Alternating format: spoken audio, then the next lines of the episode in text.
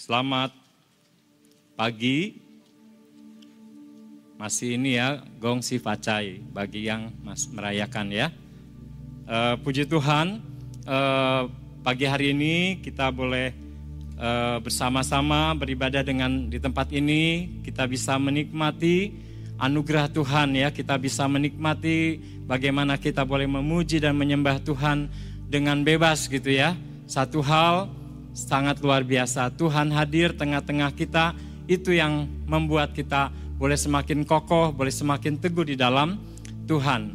Ya, eh, dua minggu yang minggu pertama kita eh, membahas tentang visi eh, gereja GKKD BP ya. Itu visinya apa? Menjadi gereja yang antusias, untuk Indonesia dan bangsa-bangsa penuh kemuliaannya. Ya, satu hal bagaimana itu visi yang yang kita boleh bersama-sama di semua para pemimpin sampai jemaat Tuhan memiliki visi yang sama. Dan minggu kedua, kendaraan untuk mencapai visi adalah misi. Misi gereja Tuhan eh, di tempat ini ada empat ya. Yang pertama, kita boleh mengabarkan Injil dengan penuh kuasa. Yang kedua, uh, memuridkan uh, memuridkan uh, dengan memuridkan ya dengan untuk diperlengkapi dengan lima jawatan ya. Yang ketiga, membangun gereja lokal ya menjadi gereja lokal yang dewasa ya dan membangun gereja-gereja di tempat-tempat yang baru ya. Dan yang keempat, mengobarkan karunia karunia rohani ya. Itu hal yang bisa kita uh, kendaraan untuk mencapai visi dan sekarang kita posisi kita saat ini ada di dalam mengerjakan misi gereja Tuhan ya. Kita boleh hari ini kita belajar bagaimana gereja memiliki nilai-nilai uh, kerajaan Allah. Ya, di sini uh, Roma 14 ayat 17 sampai 18, sebab kerajaan Allah bukanlah soal makanan dan minuman, tetapi soal kebenaran, damai sejahtera dan sukacita oleh Roh Kudus. Karena barang siapa melayani dengan cara ini, ia berkenan pada Allah dan dihormati oleh manusia. Ya, artinya kerajaan Allah bukan bicara dengan perkara-perkara jasmani saja, eh, baik makanan, minuman ya, tetapi mas eh, perkara-perkara rohani, perkara-perkara yang uh, Tuhan siapkan bagi setiap hidup kita untuk kita mengenal kebenaran. Dan menghidupi kebenaran itu kita boleh melaraskan setiap aspek kehidupan kita sesuai dengan firman Tuhan. Ya kebenaran itu yang memberikan damai sejahtera dan sukacita oleh Roh Kudus. Ketika kita melakukan kita hidup di dalam kebenaran maka kita Eh, memperkenan hati Tuhan dan Tuhan juga berkenan dengan hidup kita dan kita akan dihormati oleh manusia. Ya, di sini kalau kita bicara kerajaan Allah, kerajaan Allah itu eh, ya kita minta eh, di dalam doa Bapa kami di Matius 6 ayat 10, datanglah kerajaanmu, jadilah kehendakmu di bumi seperti di surga. Kerajaan Allah di dalam setiap doa-doa kita, kita minta kerajaan Allah turun di tengah-tengah keluarga kita ya. Tidak ada keluarga-keluarga yang ribut ya. Kalau ada kerajaan Allah, ada hadirat Tuhan boleh memenuhi di dalam rumah tinggal rumah tangga kita. Ya, karena itu kita minta, kita doakan supaya kerajaan Allah boleh turun di tengah-tengah rumah tangga kita, di tengah-tengah pekerjaan kita, kerajaan Allah boleh turun ya sehingga ketika kita ada ada damai sejahtera, ada sukacita yang boleh melimpah ya. Tuhan nyatakan lewat setiap hidup kita, kita boleh meminta kerajaan Allah boleh turun di dalam setiap aspek kehidupan kita. Ketika kita sedang melayani Tuhan, kita juga boleh meminta supaya kerajaan Allah boleh turun memenuhi hati kita sehingga kita boleh memberikan yang terbaik bagi Tuhan, memberikan yang terbaik bagi orang-orang yang kita layani. Tuhan nyatakan di dalam setiap hidup kita. Ya, yang kedua, bagaimana kerajaan Allah juga kita boleh cari. Kita boleh cari dengan kesungguhan hati kita. Di Matius 6 ayat 33 tetapi carilah dahulu kerajaan Allah dan kebenarannya maka semuanya itu akan ditambahkan kepadamu. Ya tadi satu pujian yang sungguh luar biasa. Yesus menjadi tempat yang pertama di dalam hidup kita. Yesus menjadi tempat yang utama di dalam hidup kita bagaimana kita boleh mencari kerajaan Allah dan kebenarannya kita boleh bersungguh hati di dalam setiap hidup kita ketika kita uh, menghadapi situasi yang sulit, kita boleh tetap uh, mencari Tuhan. Ketika kita memutuskan sesuatu di dalam kehidupan, baik itu di rumah tangga kita, di dalam setiap aspek kehidupan kita, kita boleh mencari kerajaan Allah. Kita boleh fokus kepada Tuhan, meminta pimpinannya. Dan Tuhan katakan ketika kita mencari kerajaan Allah dan kebenarannya, maka semuanya itu akan ditambahkan kepada kita. Ya, kita boleh menerima apa yang memang eh, berkat-berkat Tuhan ketika kita hidup di dalam kebenaran. Nah, yang ketiga, bagaimana kerajaan Allah itu dirindukan. Ada sesuatu yang dinanti-nantikan uh, bagi setiap kita. Di Matius 13 ayat 44, hal kerajaan sorga itu seumpama harta yang terpendam di ladang, yang ditemukan orang lalu dipendamkannya lagi oleh sebab sukacitanya pergilah ia menjual seluruh miliknya lalu membeli ladang itu. Ya, satu hal yang berharga ketika Yesus menangkap kita, Yesus memanggil kita, itu sesuatu hal di mana harta yang sangat besar. Ya, kita boleh melihat uh, bahwa pekerjaan kita, harta yang kita miliki itu tidak sebanding dengan harta yang kita temukan di dalam pribadi Yesus ya. Jadi bagaimana fokus arah kita hidup kita hanya kepada Kristus ya. Kita boleh merindukan ya sama seperti uh, perumpamaan ini bagaimana dia uh, menemukan harta terpendam di ladang uh, dan dia akhirnya menjual semua miliknya. Jadi harta pekerjaan kita kita jangan sampai dengan apa hidup kita bekerja terus ya.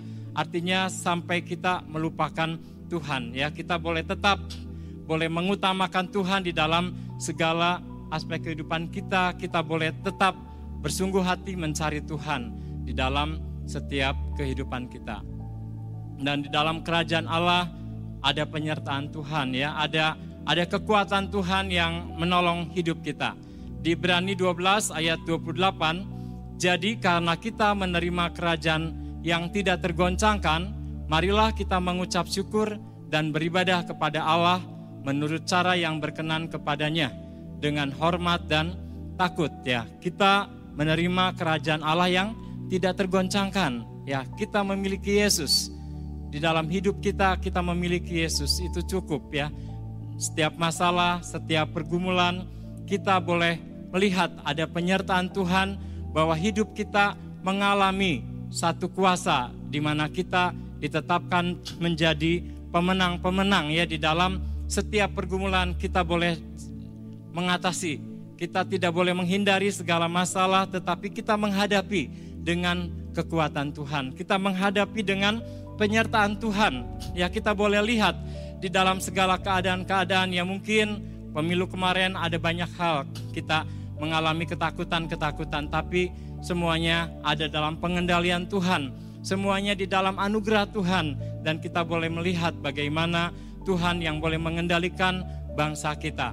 Ya, kita boleh uh, terus mengarahkan hidup kita dan kita bagian kita apa? Kita boleh percaya, bagian kita bersyukur kepada Tuhan dan beribadah kepada Allah. Itu bagian kita hanya percaya dan bersyukur menghadapi segala tantangan, tantangan hidup, menghadapi keadaan-keadaan yang sulit ya. E, memang tidak tidak mudah kita menjalani kehidupan di dalam bumi ini ya, tetapi percayalah ketika kita memang menghadapi hal-hal yang sulit, ketika kita menghadapi hal-hal yang uh, sepertinya kita keadaan terpuruk, tapi percayalah bahwa kita memiliki kerajaan Allah yang tidak tergoncangkan, roh yang di dalam itu tidak tergoncangkan, walaupun semuanya eh, keadaan-keadaan tergoncang, tetapi roh kita kita masih bisa punya, kita masih bisa berdoa kepada Allah, kita masih bisa percaya, mempercayakan seluruh hidup kita hanya kepada Tuhan. Jadi bagian kita senantiasa mengucap syukur kepada Allah dan beribadah kepada Allah. Ada penyertaan Tuhan di dalam seluruh kehidupan kita. Ada satu uh, pernyataan di Keluaran 33 ayat 15 16 demikianlah firman Tuhan uh, ber, berkatalah Musa kepadanya jika engkau sendiri tidak membimbing kami janganlah suruh kami berangkat dari sini. Dari manakah gerangan akan diketahui bahwa aku telah mendapat kasih karunia di hadapanmu yakni aku dengan umatmu ini? Bukankah karena engkau berjalan bersama-sama dengan kami sehingga kami aku dengan umatmu dibedakan dari segala bangsa yang ada di muka bumi ini. Ya, Musa merasa gentar, Musa merasa takut ya ketika uh, Musa Tuhan membebaskan bangsa Israel keluar dari Mesir, dari perbudakan Mesir. Bagaimana Musa memimpin bangsa Israel? Tidaklah mudah bagi Musa uh, memimpin bangsa yang dikatakan tegar tengkuk ini ya. Melihat mujizat tetap bersungut-sungut ya. Bahkan di ayat sebelumnya itu bagaimana mereka uh, membangun mendirikan uh, lembu emas ya. Dan itu uh, murka uh, Tuhan bagi bangsa ini. Dan uh, di sini di Keluaran 33 bagaimana Musa merasa gentar dan takut ya.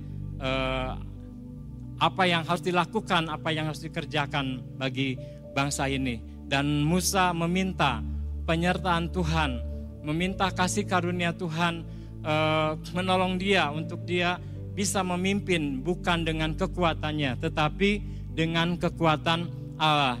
Dan di sini bukankah karena engkau berjalan bersama-sama dengan kami sehingga kami aku dengan umatmu ini dibedakan dari segala bangsa yang ada di muka bumi ini.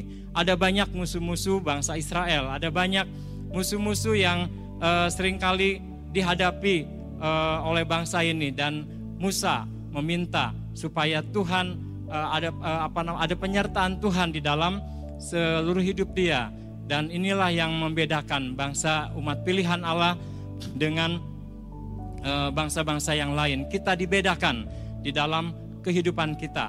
Ada hal-hal yang Tuhan rindukan ya, Tuhan nyatakan di dalam kehidupan di dalam perjalannya bangsa Israel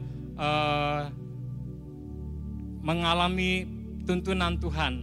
Kalau siang ada tiang awan, kalau malam ada tiang api itu yang akan uh, menuntun bangsa Israel uh, untuk mengalami uh, penyertaan di dalam kehidupannya. Dan di bilangan 9 uh, di dalam pembacaan Alkitab bagaimana ada uh, ya penyertaan Tuhan bagaimana ketika mereka berkemah katanya kalau awan itu ada Eh, di atas skema bagaimana bangsa Israel itu akan tetap diam, ya tetap diam eh, dan tidak melakukan perjalanan. Dan dia taat, eh, bangsa ini taat kepada Tuhan dengan segala apa yang diperintahkannya. Kalau malam, kalau pagi, istilahnya awan itu naik ke atas, maka berangkatlah bangsa Israel. Ya, jadi penyertaan Tuhan menolong bangsa ini untuk uh, bisa menjalani perjalanan ya selama 40 tahun itu bukan suatu hal yang mudah tetapi bagaimana pemeliharaan Tuhan, penjagaan Tuhan bagi bangsa ini. Dan kita juga sama, kita adalah bangsa umat pilihan Tuhan. Ada penyertaan, ada penjagaan di dalam kerajaannya. Ya ketika kita mencari kerajaan Allah dan kebenarannya, kita tidak usah takut karena kita dibedakan dengan orang-orang yang tidak mengenal Tuhan. Ketika kita datang kepada Tuhan, kasihnya memberikan kepada kita kekuatan, kasihnya memberikan kepada kita kemampuan untuk kita menjalani kehidupan ini dengan anugerah Tuhan, dengan hidup di dalam damai sejahtera Tuhan, dan mengalami sukacita dari Roh Kudus. Ini sekarang, oh ini udah ya. Nah, ini kita baru bicara sekarang nilai-nilai kerajaan Allah ya. Ya kalau kita bicara nilai uh, ya gereja kita memiliki nilai-nilai kerajaan Allah.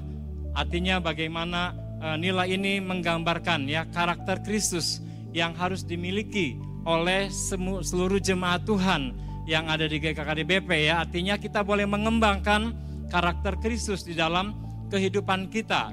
Gereja yang memiliki karakter Kristus itulah yang menjadi uh, memiliki kekuatan di dalam setiap kehidupan kita. Ada lima nilai-nilai uh, yang dihidupi oleh uh, eh, GKKDBP. Yang pertama adalah nilai Alkitabiah, yang kedua nilai kekeluargaan, nah yang ketiga nilai hubungan, yang keempat nilai kekudusan, yang kelima adalah uh, unstoppable.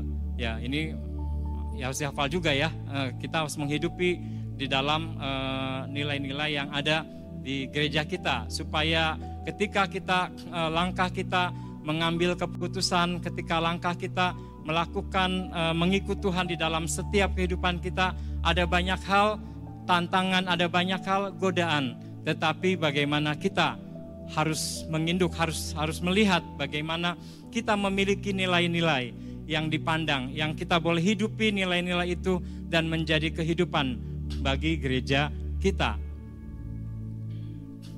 Nah, yang pertama nilai Alkitabiah ya. Nilai Alkitabiah, Alkitabiah artinya sesuai dengan Alkitab ya, sesuai dengan uh, Alkitab. Ada hal-hal di mana kita uh, melihat uh, ketika kita melakukan sesuatu apakah sesuai dengan Alkitab atau tidak. Nah, ini kita boleh senantiasa bahkan istilahnya kita membaca buku rohani, kita uh, mendengarkan khotbah-khotbah juga kita boleh melihat ketika ada satu hal ada ganjalan ganjalan kelihatannya nggak nggak sesuai. Ya kita boleh berdiskusi dengan pasangan kita. Ya kita boleh kembali kepada Alkitab.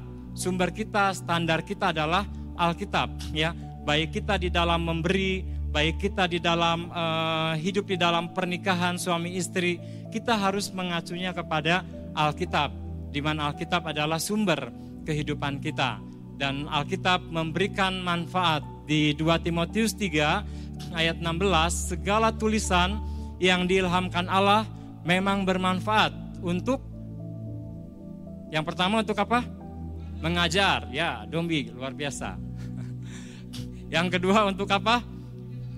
Menyatakan kesalahan. Yang ketiga memperbaiki kelakuan dan untuk mendidik orang di dalam kebenaran. Ketika kita belajar firman Tuhan, kita boleh yang tidak tahu kita menjadi tahu ya. Yang tidak mengerti kita menjadi mengerti ya karena firman Tuhan mengajar kita ya ketika ada hal-hal ya lewat setiap pemuridan ya setiap lewat pemuridan eh, kita boleh eh, boleh belajar boleh menggali firman Tuhan saya bersama dengan eh, pembimbing rohani saya eh, artinya menggali firman Tuhan setiap uh, pasal uh, satu pasal dan itu memang perlu diskusi, perlu waktu ya. Tetapi di situlah sebenarnya uh, sumber kekuatan kita. Kita bisa uh, mengerti ya, kita boleh diingatkan, kita boleh diajar supaya kita boleh menghidupi lewat setiap firman Tuhan ya untuk menyatakan kesalahan.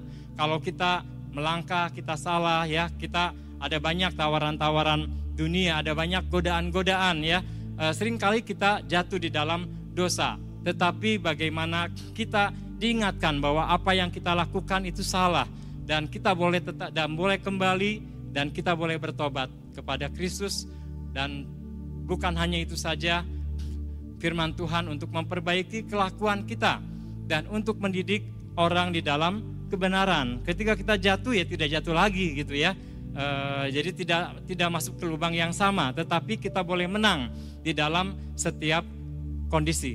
Ya, jadi kita boleh tetap uh, percaya bahwa firman Tuhanlah sumber yang membuat hidup kita boleh tetap maju di dalam Tuhan, yang membuat kita boleh tetap kuat di dalam Tuhan. Di Yohanes 6 ayat 63, rohlah yang memberi hidup, daging sama sekali tidak berguna Perkataan-perkataan yang kukatakan kepadamu adalah roh dan hidup. Firman Tuhan yang kita dengar, firman Tuhan yang kita baca itu adalah roh yang menghidupkan. Yang kita mengalami keadaan mati dibangkitkan oleh firman. Ya, ketika kita mengalami uh, hati yang sepertinya uh, mulai menjauh dengan Tuhan, kita katakan bangunlah hai jiwaku. Ya, firman Tuhan membangkitkan kita. Firman Tuhan membangunkan kita untuk kita boleh kembali ada pada posisi yang semula di mana kita boleh tetap pada tracknya di dalam Tuhan. Jadi uh, firman Tuhan yang boleh senantiasa hidup dan itu menghidupi di dalam hidup kita adalah roh dan uh, hidup ya bukan daging ya yang uh, tidak berkuasa tetapi roh yang berkuasa yang sanggup membangkitkan. Yang kedua, nilai kekeluargaan. Nilai kekeluargaan di Efesus 2 ayat 19 sampai 20. Demikianlah kamu bukan lagi orang asing dan pendatang, melainkan kawan sewarga dari orang-orang kudus dan anggota-anggota keluarga Allah yang dibangun di atas dasar para rasul dan para nabi dengan Kristus Yesus sebagai batu penjuru. Ya, demikianlah kamu bukan lagi orang asing dan pendatang. Ya, kita punya keluarga eh, ikatan keluarga hubungan darah bersama dengan eh, ya di, tengah-tengah keluarga kita ada orang tua, bapak, ibu ya, anak-anak ya, ada kakek, nenek, ada cucu mungkin nanti kalau sudah uh, anaknya sudah uh, menikah gitu ya. Uh, dan satu hal bagaimana kita boleh mengasihi ya. Kemarin uh, beberapa hari yang lalu ya kita uh, orang-orang Tionghoa merayakan Sincia gitu ya. Kita boleh kumpul bersama dari mulai ya adik kakak semua kumpul dengan anak-anaknya bahkan ada yang sudah uh, punya cucu gitu ya. Uh, dan satu hal bagaimana di situlah sebenarnya kita bisa menyatakan kasih ya. Tetapi tidak hanya menunggu, menunggu ketika ada acara-acara itu saja ya. Kita juga bisa mengunjungi beberapa uh, apa namanya mungkin beberapa waktu sesudah lama tidak uh, mengunjungi orang tua kita atau mengunjungi saudara-saudara kita ya cobalah kita menyempatkan diri untuk kita ada memiliki nilai kekeluargaan di dalam hidup kita. Dan di sini pun kita adalah keluarga Allah. Ya, kita anggota keluarga Allah, kita memiliki darah yang sama, yaitu darah Kristus. Kita bukan lagi orang asing dan pendatang, melainkan kawan sewarga dari orang-orang kudus dan anggota-anggota keluarga Allah. Jadi kita boleh saling mengasihi satu sama lain ya. Kita boleh saling uh, mendoakan satu sama lain ya kita bisa membantu kalau ada orang-orang yang memang mengalami kesulitan, yang mengalami kesusahan, ya kita bantu. Kita bukan hanya doa, tetapi ketika memang dia butuh pertolongan, baik itu mungkin dana, ya kita kalau kita ada, ya kita sisihkan untuk orang tersebut. Ya, artinya kita memang uh, melihat bagaimana Tuhan ingin kita hidupi di dalam kehidupan kita sebagai anggota-anggota keluarga Allah. Gesekan pasti ada ya apalagi kalau sudah besar ya. Pasti akan ada gesekan-gesekan ya. Tetapi gesekan-gesekan itu tidak membuat kita menjadi jauh ya. Tetapi lewat setiap gesekan kita boleh melihat bahwa ada pengampunan ada ada maaf yang uh, ya yang berlimpah di dalam hidup kita ya. Mungkin ada perkataan ada saudara-saudara kita yang mungkin secara tidak sadar menyakitkan hati kita. Tetapi kita belajar bagaimana kita harus memberikan maaf dan pengampunan bagi saudara-saudara kita ya. Ada hal-hal yang di mana eh, jangan sampai menghalangi berkat Tuhan. Ketika ada dosa, ketika ada ganjalan, itu akan menghalangi berkat Tuhan turun di tengah-tengah kita. Ya, lewat setiap jemaat Tuhan, biarlah kita menjadi jemaat gereja yang kuat, gereja yang uh, memiliki kehidupan yang mengasihi yang full, ya, di mana kita uh, melihat uh, setiap pribadi-pribadi itu lebih utama daripada diri kita. Kita bisa menyatakan kasih, kita bisa mengerjakan apa yang memang bisa kita lakukan bagi saudara kita. Di Kolose 3 ayat 12 sampai 14, karena itu sebagai orang-orang pilihan Allah yang dikuduskan dan dikasihinya, kenakanlah belas kasihan, kemurahan, kerendahan hati, kelemah lembutan, dan kesabaran. Sabarlah kamu seorang terhadap yang lain, dan ampunilah seorang akan yang lain apabila yang seorang menaruh dendam terhadap yang lain, sama seperti Tuhan telah mengampuni kamu. Kamu perbuat jugalah demikian, dan di atas semuanya itu kenakanlah kasih sebagai pengikat yang mempersatukan dan menyempurnakan. Kasih Kristus yang terlebih besar sudah ada di dalam hidup kita. Dan dengan kasih Kristus itu kita bisa mengasihi musuh kita. Kita mengasihi orang-orang yang ada sekeliling kita yang mungkin uh, ya berbuat jahat kepada kita. Tetapi kita boleh wujudkan menyempurnakan dengan kasih Tuhan yang menjadi pengikat dan yang menyempurnakan antara kita dengan saudara-saudara kita. Dan kita boleh mengenakan tadi belas kasihan, kemurahan, kerendahan hati, kelemah lembutan, dan kesabaran. Kesabaran itu kemampuan untuk kita bisa mengampuni orang lain di dalam kehidupan kita. Ada satu cerita Alkitab di sini tentang Esau dan Yakub ya. Esau dan Yakub ini adalah saudara kembar yang lahir dari uh, Ishak uh, dan Ribka ya.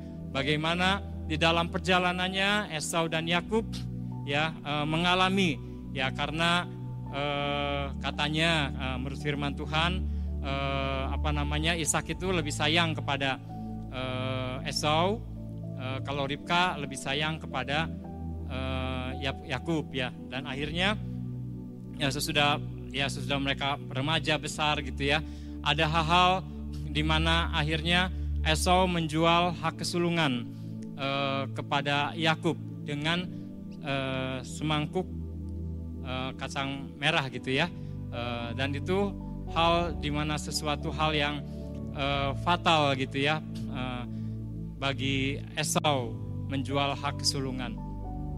Bagaimana akhirnya uh, ketika uh, Ishak memberkati ingin memberkati uh, ketika sudah masa tuanya Esau ingin uh, Ishak ingin memberkati Esau tetapi berkat Tuhan buat Esau juga akhirnya e, dicuri oleh Yakub. Tapi memang sebetulnya itu rencana Tuhan juga ya, artinya e, semua covenant di dalam e, perjanjian Tuhan.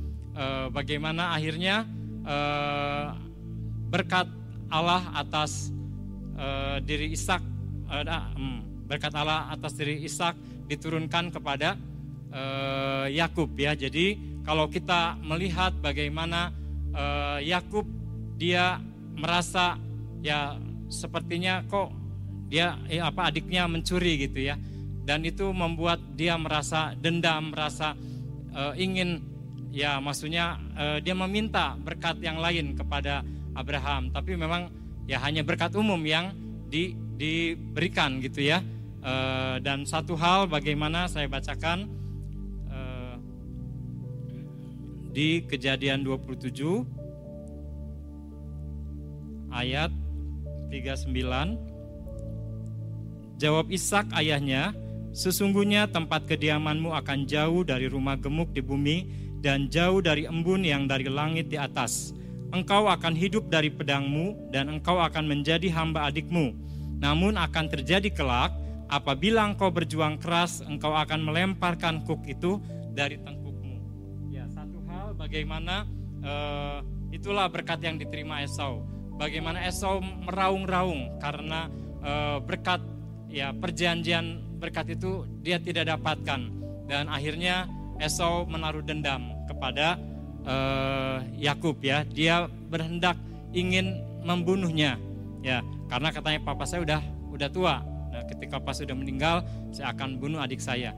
Dan itulah pernyataan dari uh, Esau ya kita lihat uh, akhirnya uh, Ribka tahu dan uh, Yakub suruh pergi uh, ke rumah Laban gitu ya dan akhirnya mereka bekerja sampai Yakub menghasilkan artinya di dalam pimpinan Tuhan Yakub boleh mendapatkan uh, empat istri dan uh, anak-anaknya gitu ya anak-anak dan harta-harta yang dia miliki di dalam kehidupannya dan akhirnya apa Yakub dia ingin ya istilahnya kembali pulang pulang ke kampung halamannya dan dia tahu bahwa di sana ada Esau. Jadi dia takut dengan dengan Esau.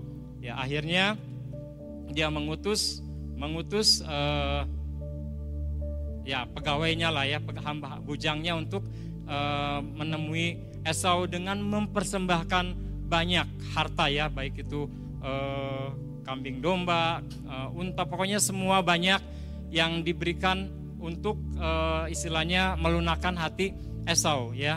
Dan kalau kita perhatikan uh, kita lihat di Kejadian 33 saya akan bacakan. Yakub berdamai dengan Esau. Yakub melayangkan pandangnya dan melihat Esau datang bersama 400 orang. Lalu diserahkannya sebagian dari anak-anak itu kepada Lea, sebagian kepada Rahel dan sebagian lagi kepada kedua hambanya perempuan itu. Ia menempatkan hamba-hamba perempuan itu beserta anak-anak mereka di depan. Lea beserta anak-anaknya di belakang mereka dan Rahel beserta Yusuf di belakang sekali. Dan ia sendiri berjalan di depan mereka. Ia sujud sampai ke tanah tujuh kali. Hingga ia sampai ke dekat saudaranya itu. Tetapi Esau berlari mendapatkan dia, mendekapnya, memeluk lehernya, lalu diciumnya dia. Mereka pun bertangis-tangisan hal bagaimana pekerjaan Tuhan atas diri Esau. Ya, Esau datang dengan 400 tentaranya itu membuat Yakub merasa gentar gitu ya dengan kondisi aduh sepertinya uh, Esau akan uh, mencelakai dia gitu ya dan anak-anaknya dan istrinya. Dan tapi ternyata bagaimana Esau mengalami kasih Tuhan. Dia boleh uh, belajar untuk taat mendengarkan uh, mendengarkan nasihat dari papahnya, dari uh, mamahnya, tentunya ya eh, bagaimana dia boleh mentaati firman Tuhan dan tadi artinya eh, segala kuk itu boleh dilepaskan. Eh, kuk yang berkat sehingga dia mendapatkan berkat berkat Tuhan. Dan katanya akhirnya Esau menolak semua persembahan dari Yakub. Ya semua harta ya yang sangat besar dia tolak. Memang akhirnya Yakub membujuk dan Esau menerima persembahan dari Yakub ya. Satu hal bagaimana di situlah kuasa Tuhan bekerja atas diri Esau dan Yakub. Bagaimana ada satu pengampunan yang luar biasa yang diberikan uh, Tuhan kepada Esau. Bagaimana ketika Yakub datang dia berlari, dia menghampiri, dia mencium dan uh, melakukan hal-hal yang baik di dalam kehidupan dia dan memberikan kasih yang melimpah. Dan satu hal bagaimana kita juga di dalam kehidupan kita. Kita sudah memiliki uh, di dalam kehidupan kita, kita memiliki panggilannya yang Tuhan berikan di dalam hidup kita, panggilan yang sempurna. Janganlah kita menjual uh, panggilan kita dengan dunia ini, dengan tawaran-tawaran dunia yang membuat kita akhirnya terkecoh dengan segala keadaan. Tetapi baiklah, kita belajar untuk kita mendengar apa yang Tuhan mau, apa yang mau Tuhan inginkan. Kalaupun ada hal-hal di mana kita mengalami hal-hal yang salah, tetapi kita boleh kembali. Kita boleh melepaskan pengampunan, kita boleh berbalik dari segala jalan-jalannya yang jahat. Ya, yang ketiga, saya akan cepat saja. Uh, nilai hubungan, nilai hubungan uh, di 1 Yohanes 1 ayat 3, apa yang telah kami lihat dan yang telah kami dengar itu kami beritakan kepada kamu juga, supaya kamu pun beroleh persekutuan dengan kami. Dan persekutuan kami adalah persekutuan dengan Bapa dan dengan anaknya Yesus Kristus. Bagaimana uh, hubungan, hubungan pribadi kita dengan Tuhan. Yang utama adalah hubungan pribadi kita dengan Tuhan. Sesudah kita memiliki hubungan pribadi dengan Tuhan, maka kita bisa menyatakan kasih kepada saudara seiman, menyatakan kasih kepada sesama, sehingga ada kuasa persekutuan, ada hadirat Tuhan yang membuat kita mengalami pertumbuhan di dalam Tuhan. Komunitas gereja, komunitas uh, pemuridan itu adalah komunitas yang paling baik di dalam kita bertumbuh dan semakin mengenal Tuhan. Ya, lewat setiap hubungan uh, kita boleh dibangun, ya kita dibangun satu dengan yang lain. Ada banyak uh, orang mengejar secara akademik, ya secara akademik Eh, kepintaran akademik tidak cukup kalau kita tidak memiliki relasi yang baik ya. Relasi yang baik itu akan membawa setiap orang untuk uh, bisa mengalami kesuksesan. Bagaimana di dalam kehidupan dia bisa menyatakan pergaulan yang baik, membentuk jaringan-jaringan yang baik itu bisa memberikan satu apa namanya uh, hubungan yang baik dan hubungan yang baik itu merupakan harta bagi kita untuk kita bisa kembangkan. Ya kita sebagai jemaat Tuhan kita harus memiliki satu relasi uh, yang banyak. Artinya kita bisa memberkati kita bisa menjangkau orang-orang yang ada bersama-sama dengan kita bahkan orang-orang di luar kita lewat setiap hubungan uh, yang Tuhan berikan di dalam hidup kita. Di dalam hubungan kita hidup di dalam terang dan tidak ada dosa. Tidak ada dosa yang disembunyikan sehingga kita bisa memiliki hubungan yang memang mengalami berkat di dalam anugerah Tuhan. Yang keempat adalah nilai kekudusan. Di 1 Petrus 1 ayat 14 sampai 16, hiduplah sebagai anak-anak yang taat dan jangan turuti hawa nafsu yang menguasai kamu pada waktu kebodohanmu. Tetapi hendaklah kamu menjadi kudus di dalam seluruh hidupmu, sama seperti dia yang kudus yang telah memanggil kamu. Sebab ada tertulis, kuduslah kamu sebab aku kudus. Ya, kekudusan uh, orang yang suci hatinya katanya dapat melihat Allah. Ketika kita tidak kudus di hadapan Tuhan, kita tidak bisa dekat dengan Tuhan. Ketika hidup kita tidak benar di hadapan Tuhan, kita tidak bisa uh, dekat, kita tidak bisa uh, mengalami kedekatan dengan Tuhan. Ya, kita menjaga hidup kita dengan firman Tuhan sehingga kita tidak berbuat dosa dan hidup di dalam kekudusan. Ya, bagaimana anak-anak muda dan orang tua dan semua kita juga bagaimana menjaga hidup kita untuk kita tetap kudus, yaitu kita menjaga sesuai dengan firman Tuhan. Gereja Tuhan harus mempresentasikan kekudusan Allah sehingga semua orang melihat Allah di dalam kehidupan kita, ya orang lain bisa mengalami berkat Tuhan ketika melihat hidup kita benar di dalam uh, hidup kita di dalam seluruh aspek kehidupan kita kita boleh hidup menguduskan diri dengan uh, Tuhan. Dan nilai yang terakhir adalah nilai unstoppable di Amsal 24 ayat 16 sebab tujuh kali orang benar jatuh namun ia bangun kembali tetapi orang fasik akan roboh dalam bencana ya kita bukan orang yang dikalahkan, kita bukan orang yang uh, yang uh, apa namanya gampang menyerah ya, tetapi kita orang-orang yang mengalami tetap bangkit ketika kita jatuh ya, ketika kita mengalami keadaan-keadaan di mana kita uh, jauh daripada Tuhan, kita kembali bangkit. Kita bangkit, kita boleh memberikan, kita semakin sungguh-sungguh dengan Tuhan, mengasihi Tuhan dan kita boleh melihat bagaimana ketika kita jatuh, kita bangkit, bahkan kita menjadi lebih kuat daripada uh, ketika kita saat itu jatuh.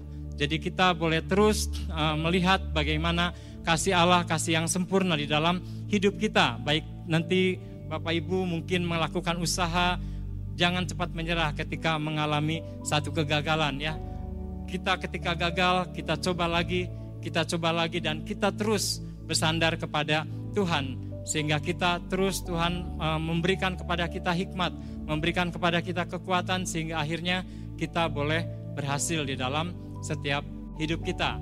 Kekuatan kita tidak seberapa, tetapi ketika kita mengandalkan kekuatan Tuhan, maka kekuatan Tuhan itu yang menjadi luar biasa di dalam hidup kita. Ya, ada satu contoh di Kisah Para Rasul 20 ayat 24 bagaimana kehidupan Paulus, tetapi aku tidak menghiraukannya waktu sedikit pun asal saja aku dapat mencapai garis akhir dan menyelesaikan pelayanan yang ditugaskan oleh Tuhan Yesus kepadaku untuk memberi kesaksian tentang Injil kasih karunia Allah. Ya, kehidupan Paulus bukan kehidupan yang sangat mudah.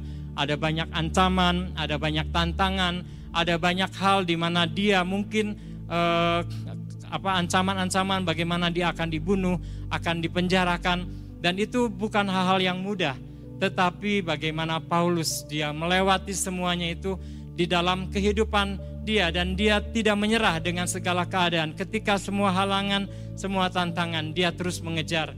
Dia terus fokus kepada Kristus dan dia boleh mengalahkan segala keadaan-keadaan yang membuat sulit bersama-sama dengan Tuhan. Roh Kudus yang ada padanya itu yang menolong dia, memampukan dia untuk dia bisa tetap kuat di dalam Tuhan, untuk dia tetap menang di dalam Tuhan, di dalam seluruh kehidupan dia dan semua tidak ada yang menghentikan dia untuk dia uh, tetap mengikut Kristus.